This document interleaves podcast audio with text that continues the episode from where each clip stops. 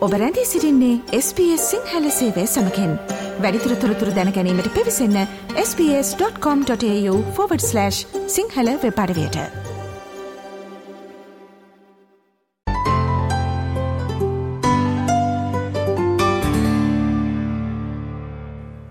පසුගේ අටවැනිදා නූහයවයේ පසුවදී බ්‍රතාන්‍ය ඉතිහාසේ දීර්ගතම කාලයක් සේවය කළ පාලක අවශයෙන් සැලකෙන දෙවන එලිසබත් රජනගේ අභාවය සිදුවනා. මේ හේතුවෙන් අද පැවැත්වෙන දෙවන එලිසබෙත් රජනගේ අවමංගල්‍ය උත්සවය සඳහා පළමු සම්පූර්ණ පෙරහුරුව ලන්ඩනයේදී පැවැත් වූ අතර අවමංගල්‍ය උත්සවය සඳහා සහභාගී වීමට ගිය ඔස්ට්‍රේලියානු අග්‍රාමාත්‍ය ඇන්තනි ඇල්බනීසි තුන්වන චාල්ස් රජු හමුවීමත් සිදු වුණා. අද කාලින තොරතුරු විශේෂාංගයෙන් අවධානය යොමු කරන්නේ මේ සම්බන්ධයෙන්.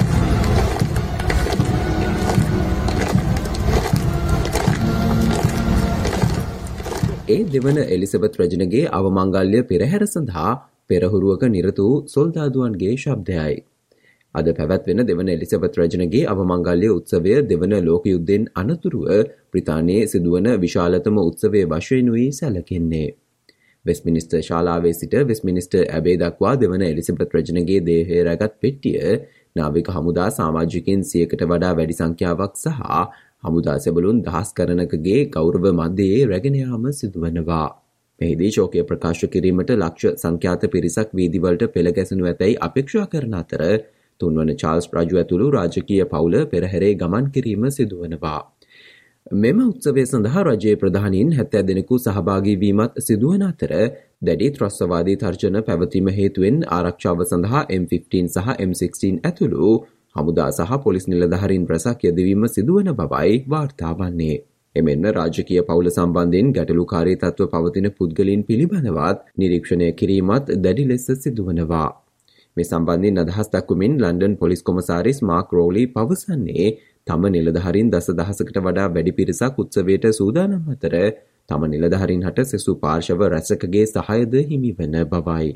So we've got a, an enormous operation building that's been many, many years in the planning. Um, by Monday, we'll have over 10,000 officers deployed. Um, the core of that is Metropolitan Police officers, but we've got help from every force across the country and indeed from some forces further afield. Many of the officers will be visible, but there's all sorts of specialists behind the scenes supporting that. And His Majesty the King today met many of them on his, on his visit to our um, control centre. and the effect on the staff was immense. මෙම උත්සවය සඳහා ඇතැම් රටවල නායකයින් හට සහභාගීවීම තහනම් කොට තිබෙනවා. මේ සඳහා සිරියාව වෙනිසූලාව ඇෆ්ගනිස්ථානය මියන්මාරය රුසියාව සහ බෙලරුසියාව යන රටවල බලධහරින් හට ආරාධනා කොට නොමැති අතර ඉරානය උතුරුකොරියාව සහ නිකරගුවාව සඳහා ජේෂ්ඨ රාජ්‍ය තාන්ත්‍රිකයෙකු පමණක් එවන ලෙසට ප්‍රතාන්‍ය පවසා තිබෙනවා.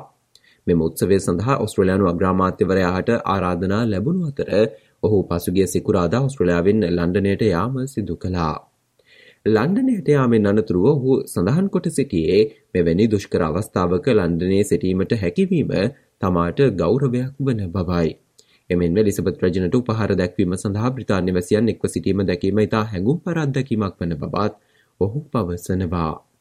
It's an honor for me to be here in London at this extremely difficult time for the people of the United Kingdom, uh, for the people of the Commonwealth. It was a, a very emotional experience.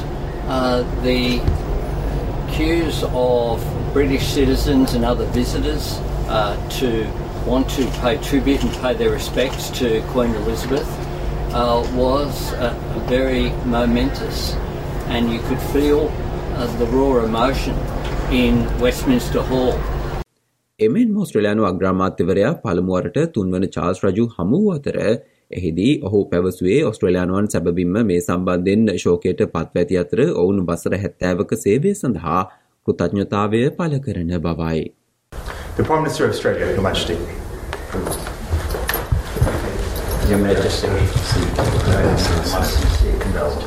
condolences have been uh, really affected.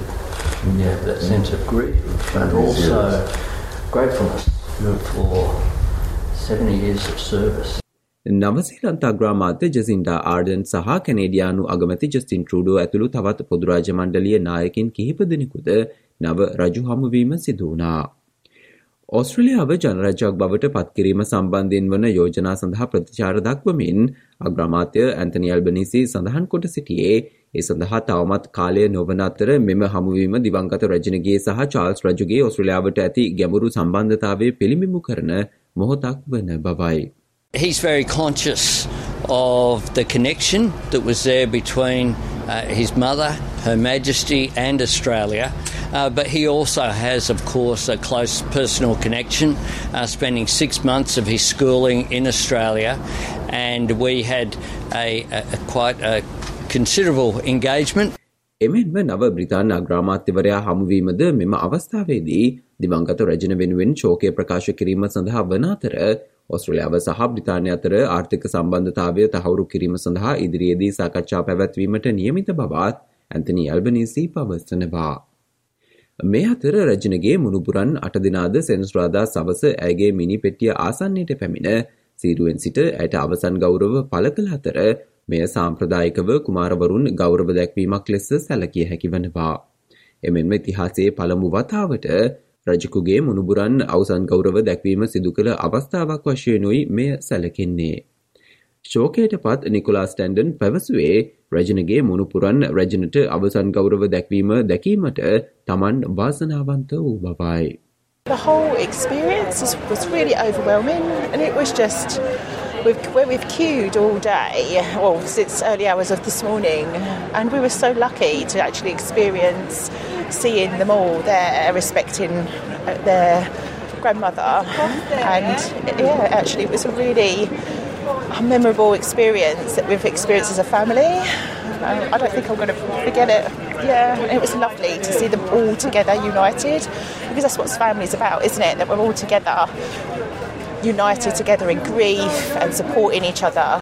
කෙසේ නමුත් ශෝකයට පත් සෑම අයකුටම රජනගේ දේහට අවසන් ගෞරව දැක්වීමට අවස්ථාවක් ලැබෙන්නේ නැති බවයි බ්‍රිතාන්‍යයෙන් වාර්තා වන්නේ. පසුගිය සෙනසුරාදා සවස රජනගේ දේහට අවසන් ගෞරව දැක්වීම සඳහා ජනතාව එක් රැස් වූ පෝලිමට එම ප්‍රදේශයට ඇතුල්වීමට තිබෙන අවස්ථාව ස්තිරවම අවහිර කිරීම සිදුකොට තිබෙනවා. කෙසේ නමුත් මේ සම්බන්ධයෙන් ආබාධිත සහ විවිධ අවශ්‍යතා සහිත පිරිස දුර්වල සංනිවේදනය සහ පෝලිං සංවිධානය කිරීම පිළිබඳව සිය කලකිරීමත් ප්‍රකාශ කොට තිබෙනවා. සෝනියා හර්මන් එම පොලිමේ සිටි අයකු වන අතර ඇයට රජනගේ මෘතදේහය රැකත් පෙට්ටිය රැගෙන යාම බැලීමට අවසර ලබා ගැනීම සඳහා පෑහායක කාලයක් පොලිමේ ගත කිරීමට සිදු වූ බවයි ඇය පවසන්නේ. කෙසේ නමුත් මේ බැලීමට නොහැකි වන පිරිස සම්බන්ධයෙන් තම කනගාටුව ප්‍රකාශ කරන බවත් සෝනියා පවසනවා. I know how much it meant to me, and I was absolutely really upset. I spent quite a lot of time at home in tears, worrying that I wouldn't be able to get in and say my own personal goodbyes to the Queen. And um, hearing now that the queue's been closed after people have queued for hours, my heart goes out to them because if the moment means as anything as much to them as it does to me, then that, that's just got to be devastating. දෙවන එලිසිබත් රජනගේ දේහය සම්බන්ධයෙන් වන අවසන් කටයුතු ඔස්ට්‍රලයානු නැගෙනහිර සම්මත වේලාවෙන් අද රාත්‍රී අටට එනම් ලන්ඩන් නුවරදී පෙරවරු එකොළහට ආරම්භ වනවා. නවතම පුවත් සහ කාලින තොරතුර ඇගත් අපේ ගුවන් විදුලි විශෂාංගවලට සවන් දෙන්න www.sbs.com.tu/ සිංහලයන අපගේ වෙබ් අඩවියේ ඉහළ තීරු ඇති මාතුකායන කොටස කලික් කොට කාලින ලෙස නම් කොට ඇති වෙබ් පිටුවට පිවිසන්න. SBS SBS SBS SBS SBS SBS Radio like කරන්න ෂයා කරන්න අදහස් ප්‍රකාශ කරන්න SBS සිංහල ෆස්බුක් පිටුව ෆලෝ කරන්න.